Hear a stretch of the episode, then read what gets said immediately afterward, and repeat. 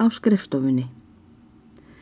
Fimm dagar eru liðnir sem aðalsteinn hefur dvalið í skálholti með góðu yfirlæti. Haldur Prestsson hefur sínt honum allan staðinn, úti og inni og hefur aðalsteinu fundist mikið um hinn fornhelga stað. Þeir Haldur eru orðnir mestum átar og mega var alltaf skilja. Við erum nú stattir á skrifstofu biskups.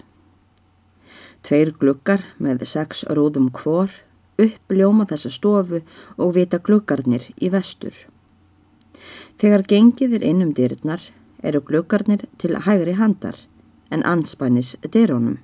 Við söðurvekkin stendur bókaskápur mikill, fullur með bækur og skjöl og tekur skápurinn hartnar yfir allan vekkin.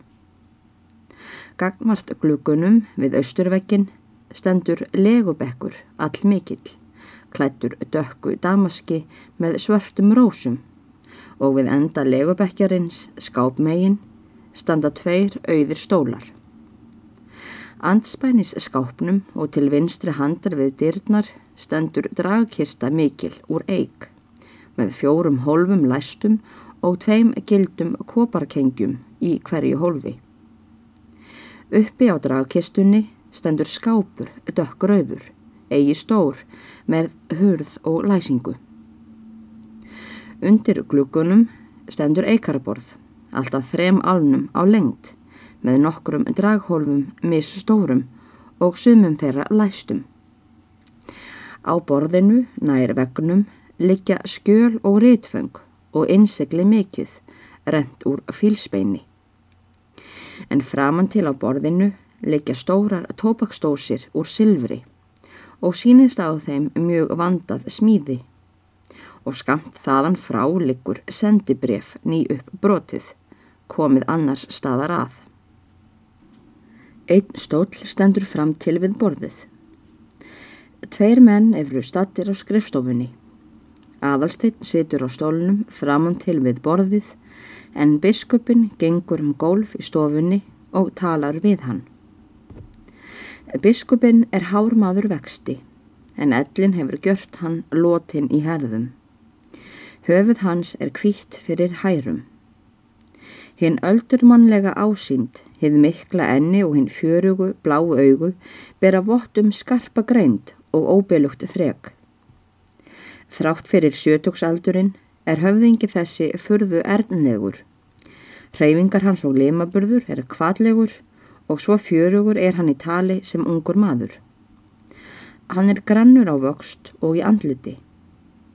Nokkur er einkennilegir drættir í ásjóna hans verið að spenda á að hann hafi verið gamansamur á sinni tíð og segir hugbóðmanni þegar að ennmætti takast ef til vill að fá glettuna til að koma fram í orðum.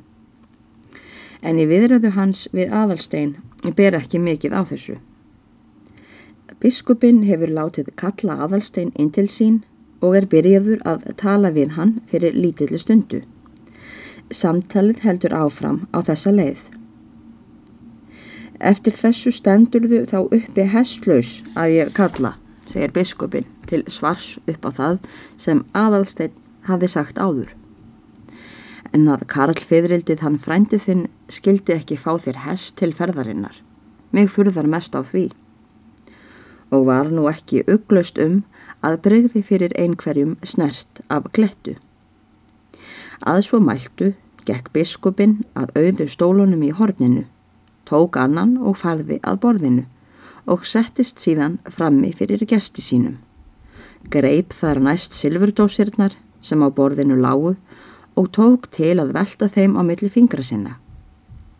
Síðan segir hann við aðalstein. Ertu nú annars ánægður með vistina á fossi? Heldurðu að þú getur lært þar nokkuð? Ég er hrættur um að það verði lítið, ansar hinn. Að öðru leiti er náttúrulega gott að vera þar. Hefurðu laungun til að læra eitthvað, segir biskup. Já og hana mikla, svarar aðalstein. Þú ert sjálfsagt bláfátækur, segir biskupin aftur eftir litla þögn.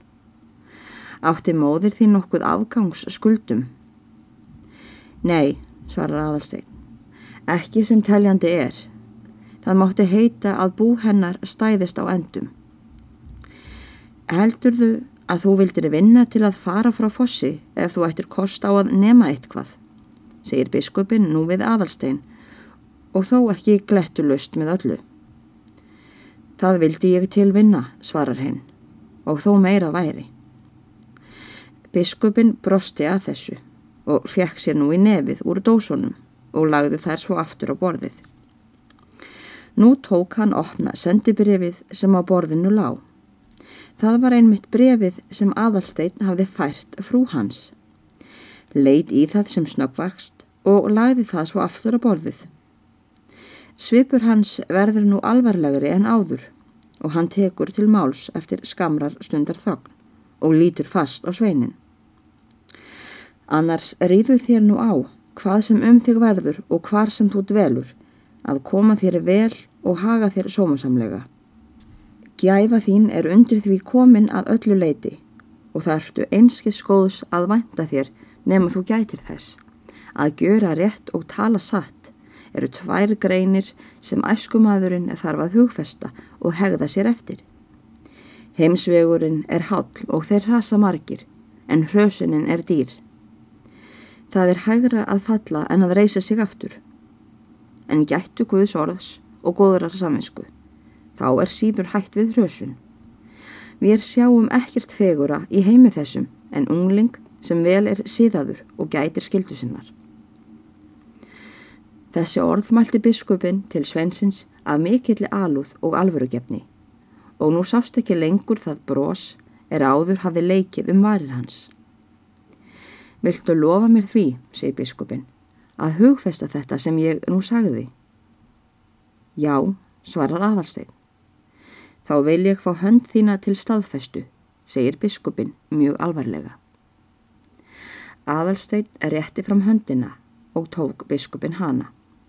En það augnablík er þeir tóku höndum saman var svo hátíðlegt að aðalstein viknaði. Biskupin stóð fyrir næstu upp og gekk um golf litla stund þegjandi. Aðalsteinn satt sömuleiðis þegjandi og glönsuðu tárperlur á kinnum hans. Að lítillu stundu liðinni gekk biskupin að borðinu aftur, tók opna brefið, leit í það snöggvast og las við líka langa stund og þurfa myndi til að komast yfir tvær eða þrjár línur. Lagði það síðan aftur á sinn stað. Að því búnu settist hann niður á stólinn, gengt aðalsteini og tók þannig til máls. Mamma þín sáluga hefur vist talað við þig um síra Sigurð frænda sinn. Já, ég man eftir að hún myndist stundum á móðurbróður sinn er hún nefndi síra Sigurð og sagði að heima eftir hér í síslunni. Já, það sendur heima, ansaði biskupin. Hann lifir enn, en hann hefur nú sagt af sér ambættinu fyrir löngu og lætur fósturdóttur sína þjóna sér.